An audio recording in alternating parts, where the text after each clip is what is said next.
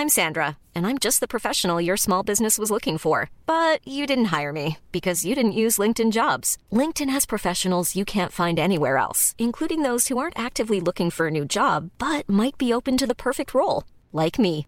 In a given month, over 70% of LinkedIn users don't visit other leading job sites. So if you're not looking on LinkedIn, you'll miss out on great candidates like Sandra. Start hiring professionals like a professional. Post your free job on linkedin.com/people today.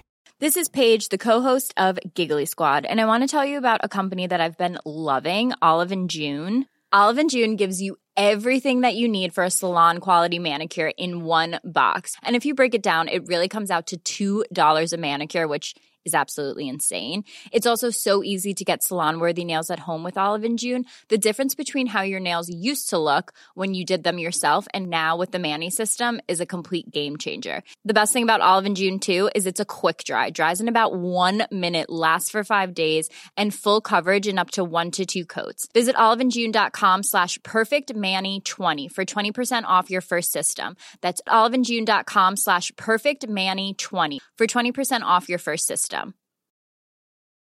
A lot can happen in three years, like a chatbot may be your new best friend. But what won't change? Needing health insurance. United Healthcare Tri Term Medical Plans, underwritten by Golden Rule Insurance Company, offer flexible, budget friendly coverage that lasts nearly three years in some states. Learn more at uh1.com.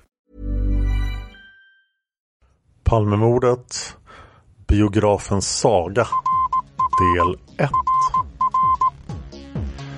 Sveriges statsminister Olof Palme är död. 90 000. Ja, det är mord på Sveavägen. Hörde de säger att det är Palme som är skjuten. Mordvapnet med säkerhet är en Smith Wesson, en revolver kaliber .357. Inte ett svar. Finns inte ett svar. För jag har inget och jag har inte varit Varför skulle jag Polisen söker en man i 35 till 40-årsåldern med mörkt hår och lång mörk rock. Det här avsnittet sponsras av Nextory.se. Nextory är en prenumerationstjänst för ljudböcker och e-böcker och om ni går till nextory.se kampanjkod och skriver in koden PALME så får ni 30 dagars gratis Nextory. Och veckans boktips är en bok av Hans Lagerberg som heter Fantombilden eller mannen som trodde att han mördat Olof Palme. Eh, det här är en bearbetning av Hans Lagerbergs bok Fantombilden från 1995 med underrubriken Roman angående inkommet tips i Palmeutredningen. Den hade sin uppkomst i att eh, Hans hade kallats till förhör av Palmemordets utredare. Det är för den skull inte Hans liv denna roman berättar om, även om den rymmer en del personliga upplevelser, inte minst dubbelheten i att oförhappandes dras in i en sån historisk händelse som mordet på Sveriges statsminister. Spänningen, men också de paranoiska föreställningar som inblandningen väckte. Och nu 20 år senare går Hans Lagerberg tillbaka och reviderar romanen. Berättelsen är avsevärt förkortad, främst gäller de två huvudpersonernas upplevelse av mordet och folkhemmets upplösning. Tidens gång har dock förstärkt saknaden efter politiker som likt Palme kunnat sprida hoppfullhet om politikens möjligheter. Hans hoppas att hans romanfigurers upplevelser och funderingar kring Palmemordet och 1990-talets omvälvande förändringar av välfärdsstaten ska leda läsaren att själv reflektera över situationen idag. Så nextory.se kampanjkod koden PALME. Dagens avsnitt utspelas alltså på biografen Saga på mordkvällen och jag vill påminna er om vad granskningskommissionen sa om det här innan vi går in på förhören. Vad gäller misstanken om Viktor Gunnarssons besök på biografen Saga mordkvällen uppgavs vid föredragning att två kvinnliga vittnen, S och Z, sett Viktor Gunnarsson komma in på nämnde biograf vid 23.45-tiden mordkvällen. Det uppgavs vidare att S vid en valkonfrontation efter att ha valt mellan två personer i gruppen med säkerhet skulle ha pekat ut Viktor Gunnarsson som den sena biobesökaren. Även beträffande vittnet Z uppgavs att hon sedan hon sett fotografier efter en avbruten valkonfrontation förklarat att utan någon som helst tvekan var Viktor Gunnarsson denne biobesökare. Detta stöddes vid föredragningen av viss skriftlig dokumentation. Sedan åklagarna den 19 mars fått del av protokoll över konfrontationerna med S och Z kunde konstateras att den föredragning som åklagarna fått inte var korrekt. Anmärkning. Under konfrontationerna förekom Viktor Gunnarsson som nummer fem i gruppen. Och det var en konstig anmärkning för det kommer inte tillbaka. Som anmärkningsvärt kan anföras att det senare framkom att även vittnet S efter fullbordad valkonfrontation förevisats fotografier. Således hade hon klockan 23.45 samma kväll förevisats ett fotomontage bestående av foton på sju män iförda olika slags ytterplagg. Dessa män var förutom Viktor Gunnarsson andra än de som deltagit i valkonfrontationsgruppen. Enligt det utskrivna protokollet över denna fotovisning har vittnet uppgivit att det är helt klart att nummer fem var den som kommit in på biografen. I förhöret antecknades därefter att vittnet önskade att vidare förhör skulle anstå eftersom hon kände sig totalt slut. Vid en samlad bedömning av bevisvärdet säger granskningskommissionen av dessa vittnesuppgifter måste med beaktande av det i rättsligt hänseende otillfredsställande sätt på vilket utredningen i detta avseende skötts anses att vittnesuppgifterna ej ger något stöd för påståendet att Viktor Gunnarsson vid tillfället besökt Saga. Att S och Z vid senare förhör uttalat sig något säkrare förändrar ej denna bedömning. Och jag ville läsa upp granskningskommissionens åsikter här för nu kommer ni att få bilda er era egna uppfattningar om S och Z. För jag har deras förhör framför mig. Och det rör sig alltså om två kvinnor som heter Jessica S och Diana von Z. Och vi hörde redan tidigare hur Börje Wingren fick det här tipset. Och det första förhör jag kunnat hitta med Jessica S är från den 4 mars klockan 15.30. Det hålls mycket riktigt av Börje Wingren. Jessica är född 63. Så hon är alltså 23. Jag ska fylla 23 under 86. Jessica jobbar som servitris och bor i innerstan. Eh, så börjar förhöret och det är en sammanfattande förhör först. Jessica är tidigare hörd i ärendet cirka fyra timmar efter det på mordet på statsminister Palme inträffade och det protokollet har jag alltså inte. Jessica tog själv kontakt med polisen när meddelandet om mordet gick ut i radiomeddelande. Samma kväll var Jessica tillsammans med sin väninna Diana von Z på biografen Saga och såg där en så kallad nattföreställning av filmen Morrhår och ärtor. Föreställningen började klockan 23.00 eller någon minut senare. Tillsammans med Diana satt hon i biografsalongens från ingången sett högra sida nästan ända längst ut mot gången och strax bakom mitten av salongens mitt. Det mesta folket satt i salongens vänstra halva. Endast ett fåtal personer satt i den högra halvan och man delar salongen mitt av på längden. Cirka 45 minuter in på föreställningen så öppnas plötsligt en dörr till salongen som är belägen cirka 8 meter snett bakom damernas platser. Dörren öppnas inte på vid gavel och Jessica får uppfattningen om att det mera verkar som att det inte ska störa föreställningen. Dörren öppnas enligt Jessica ungefär en kroppsbredd. Om dörren stängdes helt eller delvis kan inte Jessica minnas. Vad Jessica däremot la märke till var den snabbhet mannen efter det han kommit in i salongen visade när han var på väg till den plats han satte sig på. Han mer eller mindre halvsprang, men tyst. Och han tog plats i en bänkrad tre rader framför damerna och ingen annan person satt in till honom. Däremot, längre in på samma bänkrad satt någon person och ingen person satt mellan damerna och mannen i biografens längdriktning. Komma in i bänkraden Kommen in i bänkraden så sjönk mannen djupt ner i biograffåtöljen och endast huvudet var synligt bakifrån. Här satt mannen blickstilla till dess föreställningen var slut omkring klockan 00.40. Vid utgåendet hade damerna ingen större brådska och gick nog bland de sista den omtalade mannen gjorde sig inte någon särskild brådska utan lämnade lokalen lugnt och sansat beblandad med annan publik. Som närmast var Jessica mannen på cirka två meters avstånd och hon såg honom då i profil och i det dunkel som alltid finns i en biograflokal. Jessica beskriver mannen. Cirka 108 cm lång, mörkt hår, dock inte kolsvart, ovalt ansikte, möjligen lagt något åt det smalare hållet, påfallande stor rak näsa. Han var normalt klippt och inget hår växte över kragen.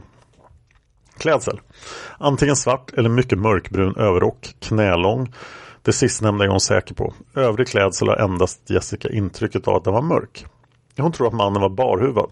Hade hon en huvudbonad så var det i alla fall en mindre sådan, även denna mörk.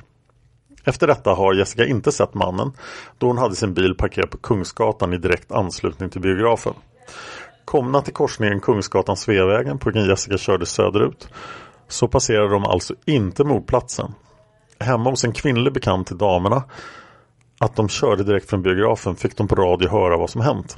Jessica tror klockan var 01.30 när hon hörde vad som hänt och direkt kom hon att tänka på händelsen på biografen.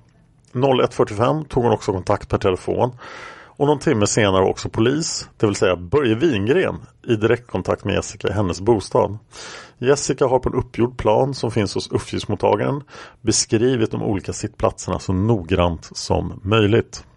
Och där slutar då det andra förhöret med Jessica S. En sak jag personligen tycker är rätt fascinerande med den här incidenten på biografen Saga är att ingen pratar om den förutom i spåret Viktor Gunnarsson. Men om det nu inte var Viktor Gunnarsson som kom in på biografen här. Vad var det här då? Var det någon som randomly kom efter halva föreställningen och gick på morgonärtor och hade ingenting skumt för sig överhuvudtaget? Eller var det något skumt? I så fall, vem är det då? Eh, Palmeutredningen undrade ju en del över det här och bestämde sig för att förhöra Jessica igen den 20 april 1986 med början klockan 13.40. Och här hålls förhöret av kriminalinspektör Dick Lundblad och kriminalinspektör C.H. Sjöblom. Och eh, bonuspoäng till om ni kommer ihåg var Lundblad och Sjöblom har varit inblandade tidigare. Och det här är ett dialogförhör. Det är extremt oklart vem av förhörsledarna som pratar men jag antar bara att det är Dick Lundblad då för det mesta. Men det står bara förhörsledare. Ja Jessica, vi var ju på biografen Saga idag och gjorde en rekonstruktion var ni satt någonstans den tiden. Kan du berätta själv från början när ni kom till biografen, var du gick in och hur ni gick? Idag på rekonstruktionen? Nej, den aktuella kvällen. Jessica. Aktuella kvällen. Vi började med start hemifrån mig. Vi skulle gå på nattbion och se Morrhår och ärtor och åkte i en rasande fart till biografen. Vi parkerade precis utanför och kliver in och jag kommer ihåg om reklamfilmen hade börjat. Jag tror inte det. Nej, det har den nog inte gjort. Värt att notera alltså att det är den 20 april så det är ja, en och en halv månad efter.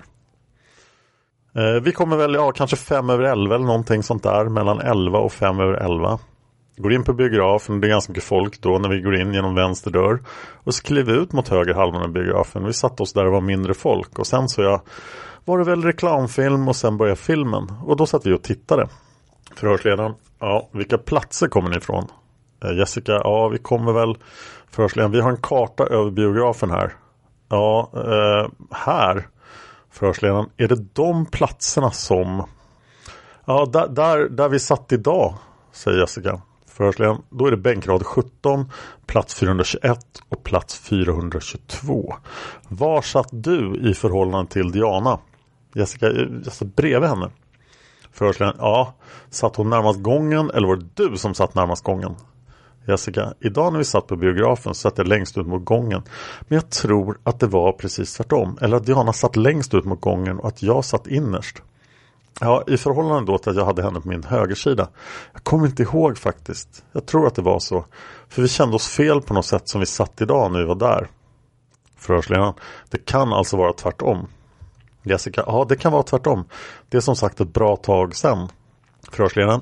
Ni fick också dirigera en polisman som heter Kai Hane till den plats där den här mannen som så småningom kommer in och sätter sig satt. Och vad säger du om det? Jessica, ja. Det gick till så som vi, han kom i den farten som den här Kai kom i, ungefär med samma tramp i golvet. Och så slängde, ja slängde gjorde han väl inte, men han satte sig fort framför oss och sjönk ner. Inte framför oss, men jag typ två bänkrader framför oss. Förhörsledaren, mm, ni placerar honom på bänkrad 14 med plats 331. Jessica, ja. Förhörsledaren, när lade du märke till honom? Jessica. Ja, precis när han liksom kom upp lite bakom oss jämsides. Vi blev störda då i filmen. Och som vanligt då så kan man inte vara tyst. Utan jag hyschade väl åt honom eller någonting sånt. Pratade om att det var konstigt att någon kom in mitt i filmen hur som helst inklafsande. Han blir lite irriterad när någon gör avbrott. Ja, jag såg honom. Ja, vi vände oss om och tittade liksom på honom han kom gående då. Förhörsledaren. Vad såg du av honom? Jessica. Jag såg bara sidan av honom. Ja, halva ansiktet då, vänsterhalvan. Och sen ner modell knähöjd eller vad jag ska säga. Vid låret eller knä. Det är svårt att säga hur mycket man såg. Men man, men man såg helbild från huvudet och ner till knäna ungefär. Förhörsledaren, kommer du ihåg hur du beskrev honom när vi hördes den 4 mars? Eh, Jessica, ja jag kommer ihåg hur jag beskrev honom men inte den 4 mars. Förhörsledaren, står du fast i den beskrivningen? Jessica, mm. Förhörsledaren, som du också kanske lade märke till så från era platser så kunde ni omöjligt se dörren. Jessica, mm. Förhörsledaren, det säger du i förhöret som vi skrivit att det gjorde du. Jessica, såg dörren? Förhörsledaren, ja, att dörren plötsligt öppnas. Jessica, nej. Förhörsledaren, och du säger också att dörren öppnades. Jessica, det har jag svårt att tänka mig att jag har sagt. Vad jag kan ha sagt är att ljuset har liksom kom mot väggen så att det var liksom inte en dörr som öppnades helt. Utan att det var en ljus, ett ljus som inte kan, jag vet inte vad jag har sagt men det kanske liksom kommer göra en ljusbredd eller en ljusstråle. Förhörsledaren, idag så öppnade vi dörren. Jessica, nej det gjorde vi inte. Förhörsledaren, jo det gjorde vi. Jessica, gjorde vi? Förhörsledaren, för att ni skulle få se att ljuset föll in. Men det föll inte in något ljus. Jessica, ja, nej. Förhörsledaren, mycket svagt ljus men det var ingen man lägger märke till. Strax efter det att den här polismannen klampar in så öppnar han dörren. Ah, jag vet inte vad jag ska säga. Men det är liksom, det var hur länge sedan som helst alltså. Minnet sviker och allting sviktar. Förhörsledaren, men då sa du att det kom in ljus. Men idag när vi gjorde om det här så kom det inte in något ljus som man kan se. Eller ytterst, ytterst lite. Och vi ser heller inte dörren. Jessica. Nej, det enda jag kan säga är att jag inte vill ha någon pelare framför mig. Men den har stått där förmodligen många tusen år som helst. Så att jag tycker det verkar konstigt att vi har misstagit oss på platsen också. Förhörsledaren, ja. Ni satte er från början på helt andra platser idag. Jessica, vi, vi satte oss från början på helt andra platser idag. Förhörsledaren, ja. Ja, helt andra platser än vad ni slutligen bestämde för. Ni satt er först på rad 21, några platser in. Jessica, ja någonstans ja, bakom pelaren. Men jag tycker jag borde komma ihåg om jag suttit eller haft en pelare framför mig. För då borde jag i så fall, om jag haft en pelare framför mig, om jag skulle ha suttit på plats 21 eller på bänk 21 eller någonstans här runt omkring. Då skulle det innebära att han hade satt sig här någonstans. Och då kunde inte vi ha sett honom. Förhörsledaren, det är rätt. Det kan ni omöjligt göra. Jessica, nej. Det ska vara om mitt minne. Om jag blivit helt galen i hela huvudet att jag har suttit på plats ja, bänk 24-25 och han har satt sig på bänk 20. Men då tycker jag att pelaren jag har ingen minne av den och därför vill jag ha bort den och då blir det liksom naturligt och följde sig naturligt att det skulle vara framför pelaren. Förhörsledaren. Men om ni hade suttit längre bak då hade ni suttit nästan vid dörren. Jessica, ja precis, jag har ett minne av att vi kommer in här till vänster och tramsar lite och så går man fram här och tittar. Och så var det så mycket folk som satt där och då ville vi inte sitta där. Så då gick vi liksom till bakre delen av bänkraderna här och så gick vi ner. Och att vi satt liksom vid bänk 20 och 19, men det kan vi inte ha gjort för då skulle man ha trocklat sig emellan här vid pelaren. Och det, det skulle jag ha tänkt på i sådana fall, jag vet inte. Men det faller sig ju logiskt egentligen att vi skulle ha suttit här någonstans. Men jag, jag vill fortfarande sitta här. Jag antar att hon pekar här på någon karta då som de har framför sig. Förhörsledaren, mm, du menar logiskt att ni sitter i rad 19, 20, 21 vid pelaren. Jessica. Det logiska ska vara att i så fall det nu är som jag, i och med att jag inte kommer ihåg allting, men det var färskt i minnet då att vi skulle ha suttit på 23, 22, ja 23 eller 22. Och han skulle komma in och satt sig då på 20 och 19, men jag tycker det verkar konstigt också. Förhörsledaren. Var det mycket folk i biografen när ni kom in? Jessica, det var mycket folk här till vänster sida men det var nästan inget folk här. Från bänk, ja det satt väl några här uppe men här runt omkring så var det helt fritt. Förhörsledaren, finns det någon anledning för er att välja en sämre plats om det finns bättre? Jessica, nej. Inte mer än att man försöker sätta sig, man vill inte man vill inte sitta för folk som redan har satt sig och man liksom inte vill sitta nära människor. Så därför söker man upp en plats som inte är mitt i smeten. Förhörsledaren, den här mannen som satte sig, har du sett honom någon annanstans? Jessica, någon annanstans än här? Förhörsledaren, ja.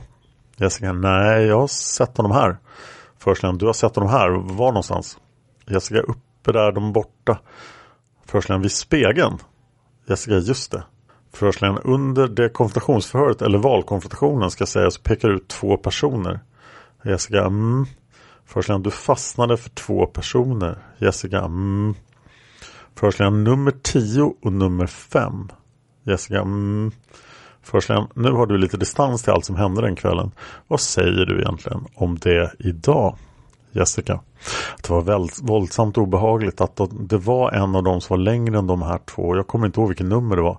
Men vid närmare eftertanke, han var för stor. Han var för stor. Det var för mycket kroppsmassa. Så den andra är nästan övertygad om att det var, alltså just då, att det var han. Att kroppen eller storleken, storleken i profilen och ansiktet stämde in. Förhörsledaren. Vad är det som gör dig säker? Jessica, vad är det som gör mig säker? Hundraprocentigt säker kan man aldrig vara, men vad som gör mig säker är att jag tycker att jag har ett ganska bra kom ihåg för ansikten. I och med att jag har ett sånt jobb som jag har. Eh, Jessica alltså servitris. Min anmärkning då. Jessica fortsätter. Att man lägger märke till saker som kanske andra vanliga gör vanliga och vanliga, men andra människor så lägger jag märke till just hur personer i fråga ser ut. Det är väl min enda, ja. Förhörsledaren, är det några detaljer i utseende som du har fäst dig särskilt vid? Jessica, ja, jag tyckte att han hade när man tittade. Det som jag kommer ihåg var att han har en näsa. När jag lägger märke till folk så lägger jag märke till olika saker hos utseendet för, hos folk för att komma ihåg dem. Jag tyckte det var liksom någonting stort i hans ansikte. Och det var näsan. Liksom när man ser någonting svischa förbi så liksom lägger man märke till någonting och då var det alltså det här partiet. Förhörsledaren, Jessica, du pekar på näsan. Jessica, ja. Förhörsledaren, är du hundraprocentigt säker på, utesluter du alla andra möjligheter att det kan vara en annan människa du har sett än den du har pekat ut vid valkonfrontationen? Jessica, ja, hundraprocentigt säker kan jag aldrig vara. Förhörsledaren, det är möjligt att det kan vara en annan också. Jessica, det är möjligt. Men som jag kände då, som jag kommer ihåg nu, så var det detta som stämde med utseende och kroppsbyggnad och allting. Men man kan aldrig säga hundraprocentigt. Förhörsledaren, nej. Hur många procent lämnar du öppet till att det kan vara en annan människa? Jessica, inte så många, några finns det alltid. Det beror på. Finns det de, ställer upp personer i fråga som det var så kan det vara så att jag säger att det, liksom, det där är det som stämmer hundraprocentigt. Men jag tycker att jag har pekat ut och jag har talat om det för er så det är vad som stämmer för mig. Förhörsledaren, mm. Vad hände med Diana vid den här kvällen när ni var här på konfrontationen? Jessica, vad hände med Hon blev skrämd tror jag, eller tror jag vet jag vet det. Jag gick ju först in, ja den här konfrontationen och pratade med de två som var i rummet. Sen gick Diana in och var inne en bra stund, en lite längre stund än vad jag var. Och sen kom de ut och då grät hon och var förtvivlad och tyckte livet var obehagligt och allting var obehagligt. Förhörsledaren, vad hände sen? Fick ni titta på bilder tillsammans? Jessica, ja, vi fick sitta i varsitt rum. Diana fick titta på bilder och jag blev utskickad från det rummet då. Och så var Börje och Diana inne på rummet tillsammans. Och så fick vi titta på kort som de hade tagit på alla de där gubbarna. Och just det, då satt jag i ett annat rum för då fick inte jag vara där. Och sen pratade de en bra stund. Sen ropade Börje in mig igen och då hade hon tydligen, då hade hon tydligen pekat ut vem hon tyckte att det var. Sen fick jag peka på kortet igen vem jag tyckte att det var. Och sen satt vi och pratade. Men jag tror, jag vet inte, de skrev någonting. Börje satt och skrev någonting. Jag hade ju pratat i bandspelaren under konfrontationen men det hade tydligen inte Diana gjort. Utan han skrev, han skrev rapport då istället på papper. Försleden. Jag har en fråga bara. Vi går tillbaka till biografen den här kvällen. När under föreställningen kommer den här mannen in? Har du någon uppfattning om det? Jessica? Nej, nej. Men jag hade ju en uppfattning om det då för en och en halv månad sedan eller vad det var och då ja, det hade gått en bra bit nästan. Det kanske hade gått en halvtimme av filmen. 40 minuter eller någonting sånt. Förhörsledaren, tittar du på klockan någon gång under filmen? Jessica, nej. Det har jag ingen minne av. Nej, det tror jag inte att jag gjorde. Förhörsledaren, du sa att det hade gått en halvtimme, 40 minuter av filmen. Räknar du då med även förspelet, reklam och sånt? Jessica, ja. Från att vi liksom kom in på biografen, typ ja, när reklamfilmen började. Förhörsledaren. Så från det ni satte er på era platser och tills han kommer in så är det någonting på en halvtimme, 40 minuter. Jessica, ja, någonstans där runt omkring. Förhörsledaren, kommer du ihåg någonting om någon scen som visades på filmduken i samband med att den här mannen kom in? Jessica, nej jag kommer inte ihåg någon scen. Det enda jag vet är att det var ljus. Det var liksom en ljus bild. Det var därför överhuvudtaget man liksom tittade upp och såg någonting överhuvudtaget. Förhörsledarna. Men vi säger inte någon speciell scen. Men något speciellt händelseförlopp som visas i den här filmen. Strax före eller strax efter. Jessica, nej inte vad jag kommer ihåg. Om man skulle se filmen igen så kanske man skulle Ingenting som man kan säga nu att jo, jag kommer ihåg just det som hände. För det första blir man ju okoncentrerad då när man tittar upp och liksom avbryter sitt filmtittande. Nej, det vågar jag inte på. Jag kan ta fel. Förhörsledaren, kände du några lukter när han kom in? Jessica, lukter? Förhörsledaren, luktade någonting i samband med att den här mannen kom in? Jessica, nej. Förhörsledaren, verkar han andfådd? Eller var han lugn? Jag ska, nej, det var ingen lugn människa som kom in. Eller, det var inte lugn, lunkande, men jag menar att jag ska inte säga att han var andfådd, för det hörde jag liksom inte. Eller att han svettades, så att han luktade på något sätt. Inte vad jag tänkte på i alla fall. Förhörsledaren, sitter någon bakom precis? Jag ska, nej, inte som jag lade märke till. Förhörsledaren, jag har inga fler frågor, då avslutar vi. It's that time of the year. Your vacation is coming up. You can already hear the beach waves, feel the warm breeze, relax and think about work. You really, really want it all to work out while you're away. Monday.com gives you and the team that peace of mind. When all work is on one platform and everyone's in sync, things just flow wherever you are. Tap the banner to go to Monday.com. There's never been a faster or easier way to start your weight loss journey than with PlushCare. PlushCare accepts most insurance plans and gives you online access to board-certified physicians who can prescribe FDA-approved weight loss medications like Wigovi and Zepbound for those who qualify.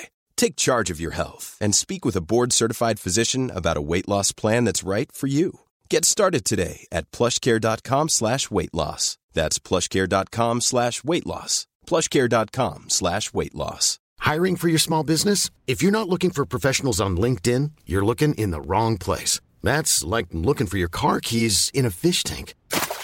LinkedIn helps you hire professionals you can't find anywhere else, even those who aren't actively searching for a new job but might be open to the perfect role. In a given month, over 70% of LinkedIn users don't even visit other leading job sites. So start looking in the right place. With LinkedIn, you can hire professionals like a professional. Post your free job on linkedin.com slash people today. Förhöret förhöret slut klockan 14.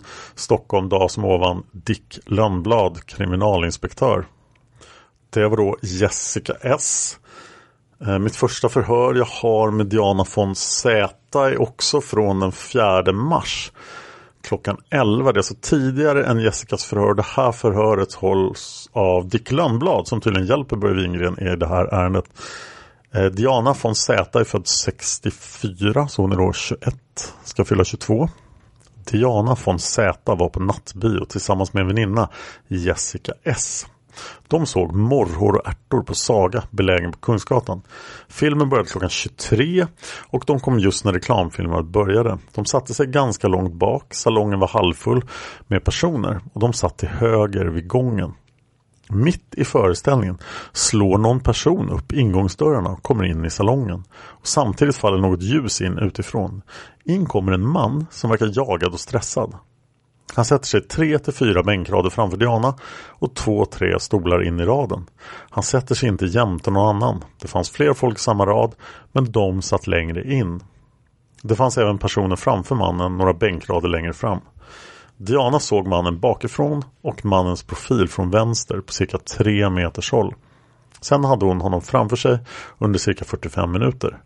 Mannen beskrives 30 till 35 år inte gammal och inte någon 25-åring. Cirka 180-185 cm, barhuvad, sandré till mörkt hår, halvlångt, ovårdat hår som hängde ner på kragen.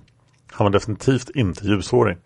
Mannen var inte speciellt stor eller smal. Han hade lite breda axlar. Tror inte att han hade glasögon. Rocken han hade på sig var oknäppt och den fick henne att tänka på en lodenrock. Mörkblå eller grön till färgen. Han hade svarta herrhandskar i läder. Beträffande byxor fick hon intrycket att de var slarvigt instoppade i ett par kängor. Han satt under resten av föreställningen och tryckte. Den första reaktion Diana fick när mannen kom in var att det var en vaktmästare som rusade in för att söka någon som smitit in utan biljett. Diana tror att andra besökare i salongen har gjort liknande iakttagelser. Bion var slut 00.30 och då lämnade mannen salongen. Eh, Diana har endast sett honom i det svaga ljus som rådde i lokalen. Och sen sker då konfrontationen som jag berättat om och sen då vill Dick Lönnblad och kriminalinspektör C.H. Sjöblom förhöra Diana igen och det sker också den 20 april med början klockan 13.15. Och det är ett dialogförhör. Protokoll fört över förhör med Diana von Z, född 64. Förhöret hålls i kriminalpolisens lokaler. Eh, förhöret gäller Dianas besök och hennes iakttagelse på biografen Saga. Förhörsledaren. Vi har gjort en rekonstruktion här i eftermiddag över var ni satt någonstans i biografen. Diana. Ja. Förhörsledaren, kan du berätta med egna ord hur ni kom in och hur ni gick till de här platserna? Diana, ja, vi kom in då på vänster sida av biografen. gick vi in och så gick vi genom bänkarna till andra sidan där det fanns lediga platser då och satte oss ganska långt ut på kanten. Förhörsledaren, vilken bänkrad gick ni igenom? Diana, femte eller sjätte tror jag. Förhörsledaren, ja, jag vänder på det hela. Jag menar hur långt ifrån?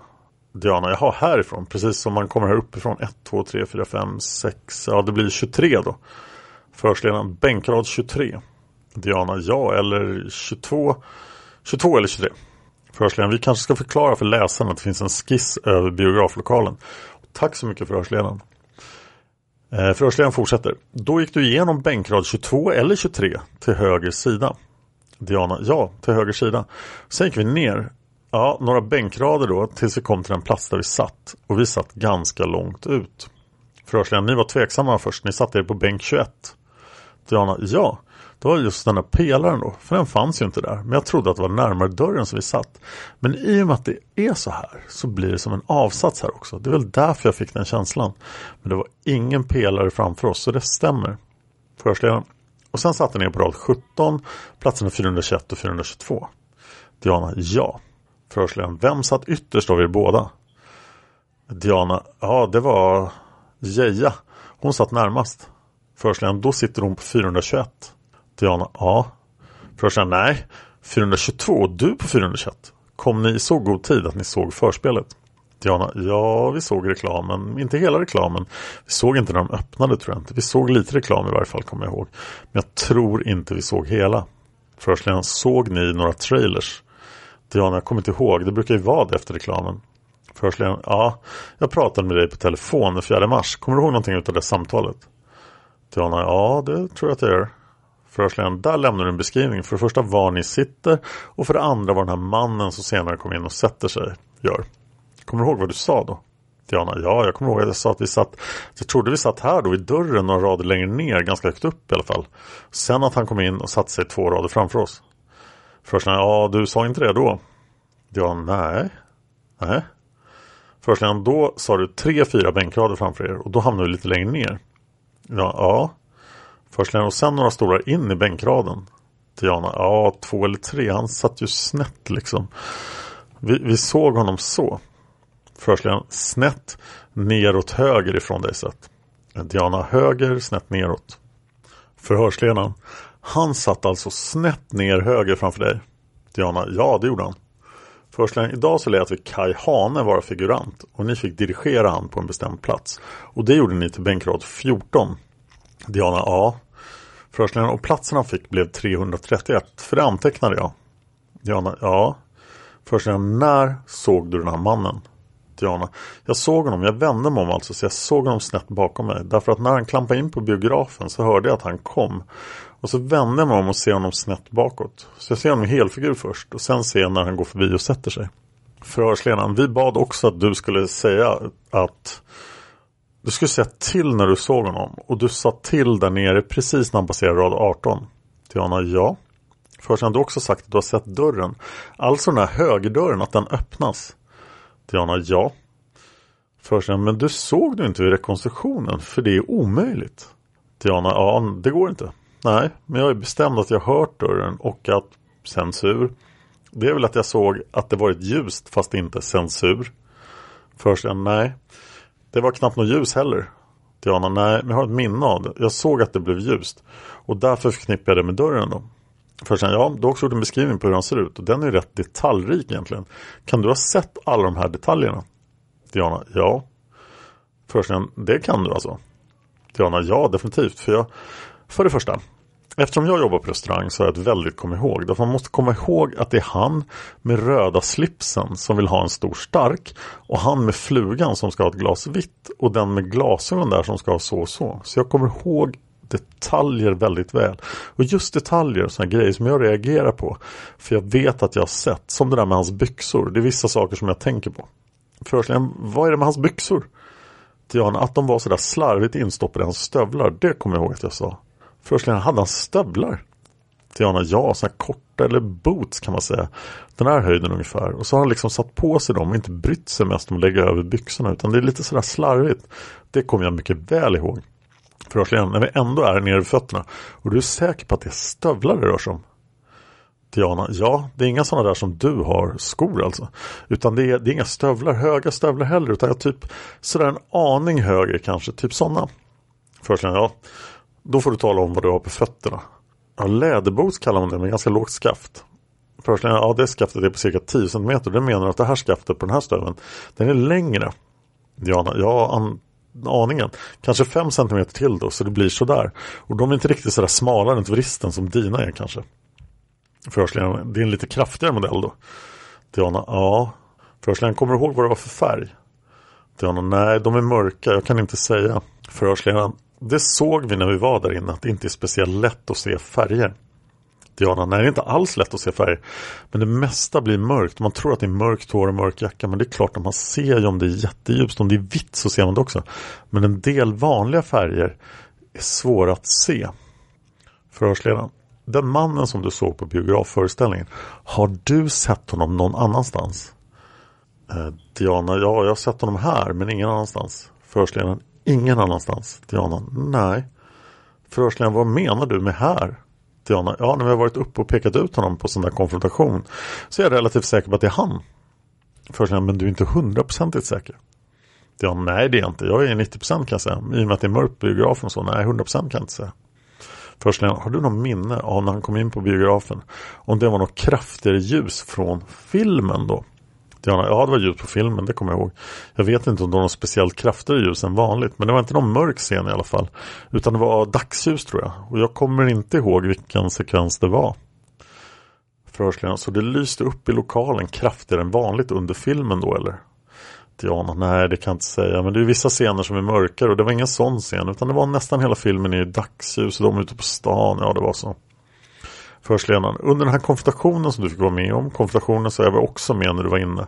Och då tvekar du, du nämnde två nummer ska jag säga, nummer 10 och nummer 5. Diana, ja. Förhörsledaren, varför valde du ut dem? Diana, därför att jag näsan då såg väldigt speciell ut och den stämde och ögonbrynen. Men sen nummer 10 var alldeles för lång. Men det var just ansiktet då, näsan och ögonbryn som är väldigt markerade föreställan, mm, men du lämnar ett utrymme på 10% öppet så att säga att du har fel. Diana, ja det måste jag göra för jag kan inte. Föreställaren, du förstår det här är väldigt viktigt. Diana, ja. Jag ger mig den största sannolikhet. Så mycket kan jag säga att det är den som jag pekade ut. Men 100% det är svårt för mig att säga.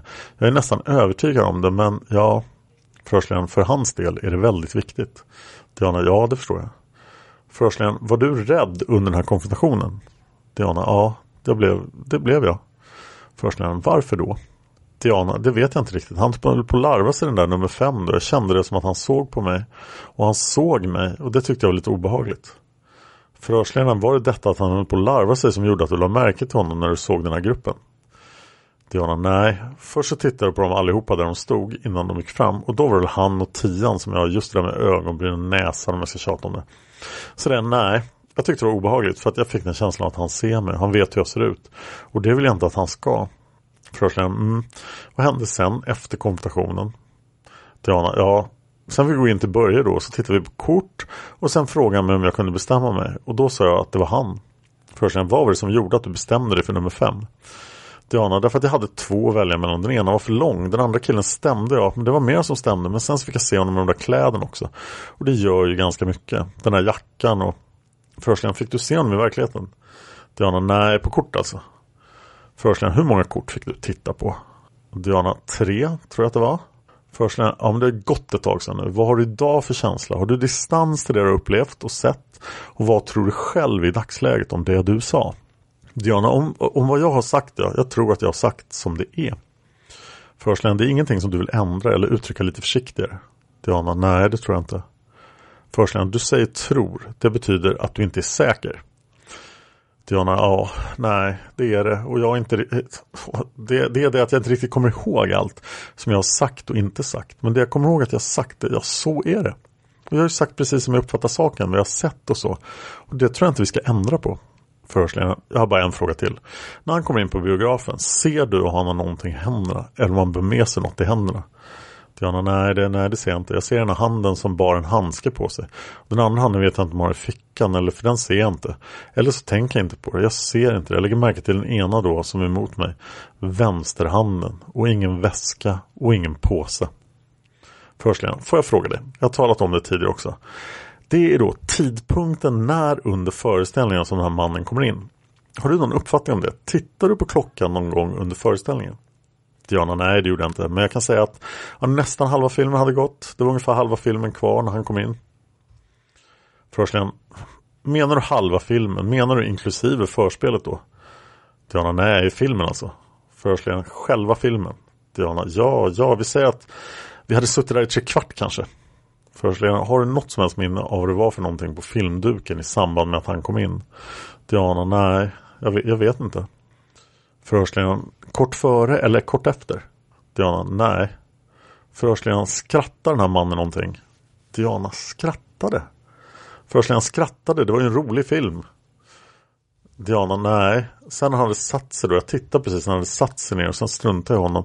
Så jag tänkte inte på om han skrattade eller inte, det tänkte inte jag på. För jag skrattade själv och sen tittade jag på filmen. Det var bara just när det var ett störande moment, som när han kom in, som jag tänkte på honom. Först när gick han ut sen? Diana, han gick efter oss. Vi, gick, ja, vi reste oss upp när den var slut. Och sen satte vi oss på oss kläderna och sen gick vi. Och han gick inte före. Det var nästan bara han som satt, ja det var bara han som satt där på den sidan. Han gick nog inte förbi, han gick efter oss. Förhörsledaren, såg du någonting efter? Diana, nej. Förhörsledaren, jag menar när ni reser på er, tittar du åt hans håll då eller? Diana, nej. Förhörsledaren, är det bara det att du har en känsla att ni var där ute före? Du såg honom aldrig egentligen utan du tror bara att han är kvar där ute. Diana, ja just precis, jag har en känsla av det. Jag tittar inte om han är kvar, det gjorde jag inte för då tänkte jag inte på honom förstenen. Då har jag inget mer. Då avslutar vi förhöret klockan 13.36 Stockholm dag som ovan. Dick Lönnblad, kriminalinspektör. Och vi fortsätter. Vi har ett till vittne. Det här är Bo Mattias L. Han är målare och han blir förhörd av Börje Wingren den 15 mars klockan 16.40 1986 då. L befann sig 86.02.28 på biografen Saga på Kungsgatan i Stockholm där han besåg filmen Morrhår och ärtor. Han berättar följande. Föreställningen som började klockan 23.00 hade kommit mer eller mindre till mitten när en man kommer in i biograflokalen genom den högra dörren från foajén räknat. Bo L märker inte när mannen kommer in genom dörren och på detta sätt släpper in ljus i lokalen utan ser först mannen där denne viker av in i den bänkrad där han sedan sätter sig på en tom plats.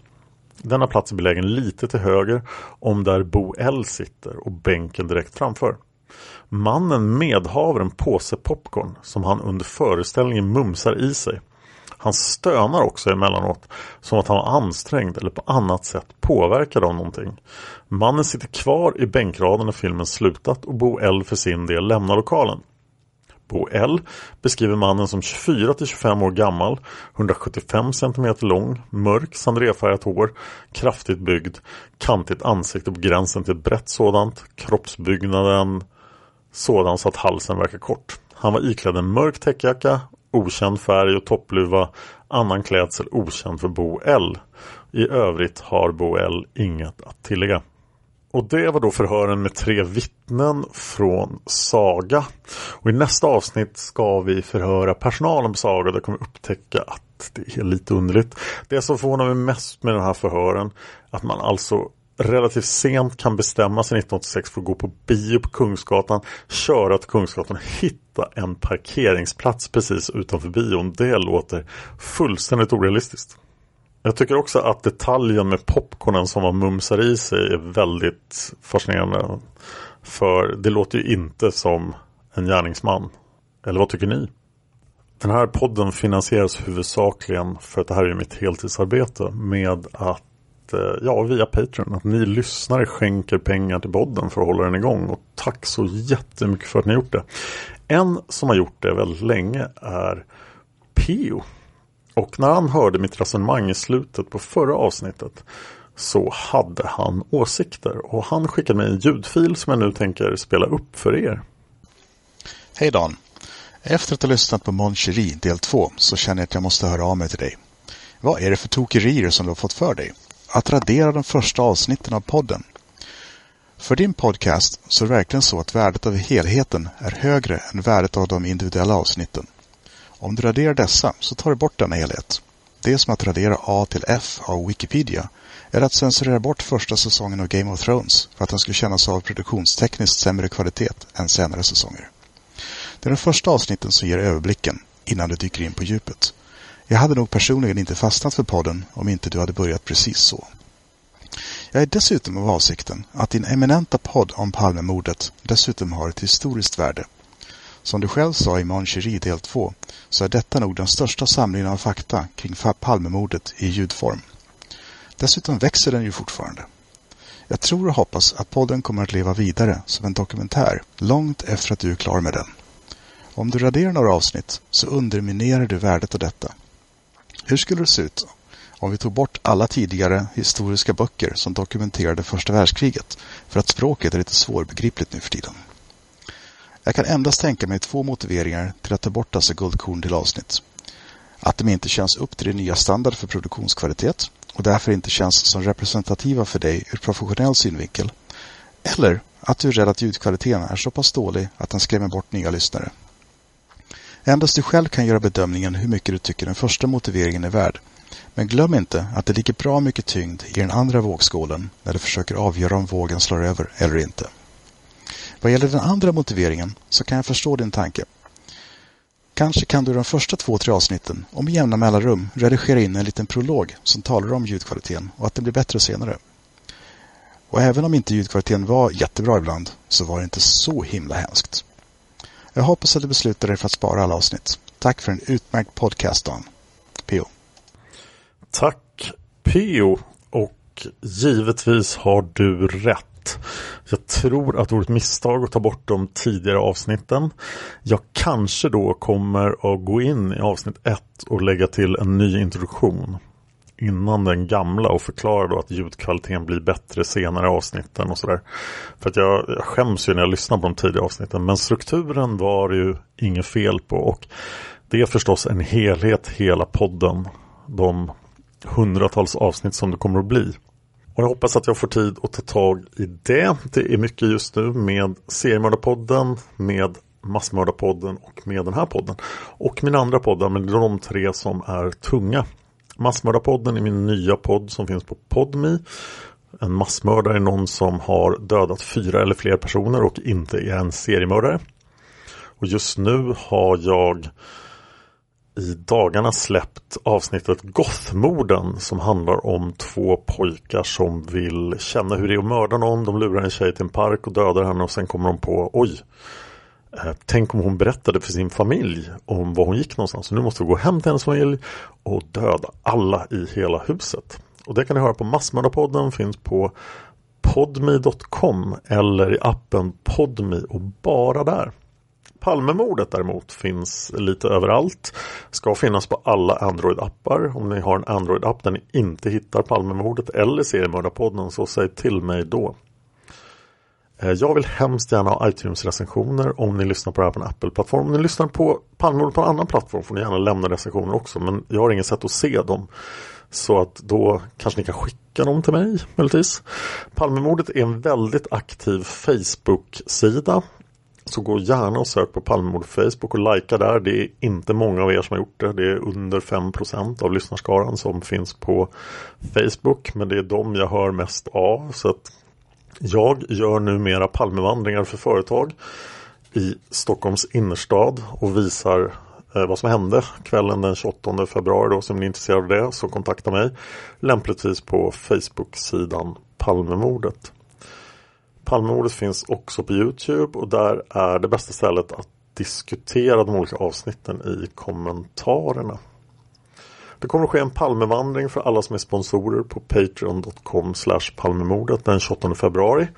Och den är nästan full när jag spelar in det här så jag räknar med att den faktiskt är full. Men det finns utrymme för 20 reserver som kan vara med på själva vandringen och inte på middagen och barhänget. Så är ni sponsorer, kontakta mig på Patreon eller använd mejladressen som finns där. Tack för att ni lyssnar på Palmemordet. Man hittar Palmes mördare om man följer PKK-spåret till botten. Därför att ända sedan Julius Caesars tid har det aldrig hört talas om ett mord på en framstående politiker som inte haft politiska skäl.